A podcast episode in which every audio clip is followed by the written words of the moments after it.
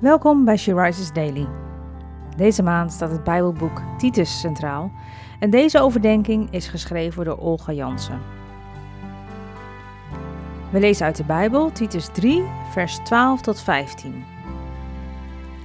Zodra ik Artemas of Tychicus naar je toe heb gestuurd, moet je bij mij in Nicopolis komen.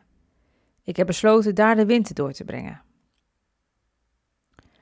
Rust Zenas, de rechtsgeleerde, en Apollos goed toe voor hun reis, zodat het hun aan niets ontbreekt. Laten ook onze mensen leren zich in te spannen om het goede te doen, waar dat dringend nodig is. Zo maken ze zich nuttig. Alle die bij mij zijn, groeten je. Groet al onze vrienden in het geloof. Genade zijn met jullie allen. Als christen mogen we verschil maken in de wereld. Een wereld die zo losgemaakt is van de schepper van hemel en aarde. Een wereld die, zonder het te beseffen, God zo nodig heeft. Ik denk dat al onze mooie programma's, diensten, bijbelstudie, etc. niet kunnen bewerken wat we voor ogen hebben.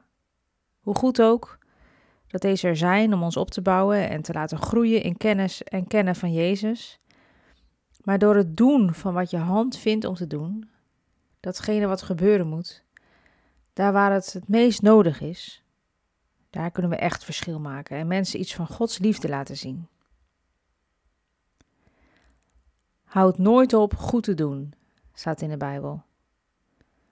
Wat een prachtig startpunt om mensen Jezus te laten ontmoeten. Doe goed. Loop de extra mijl. Zie naar de mensen om Maak je geloof praktisch. Het is hard nodig in een ik-gerichte wereld dat we onvoorwaardelijk goed doen.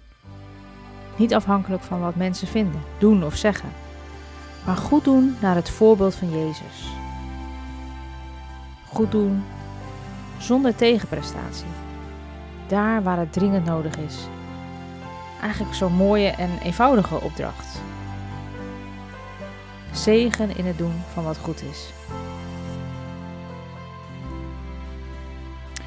En we bidden, Heer, meer van u en minder van mij.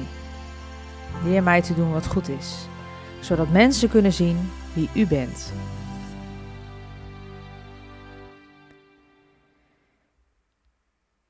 Je luisterde naar een podcast van She Rises. She Rises is een platform dat vrouwen wil bemoedigen en inspireren in hun relatie met God. We zijn ervan overtuigd dat het Gods verlangen is dat alle vrouwen over de hele wereld Hem leren kennen.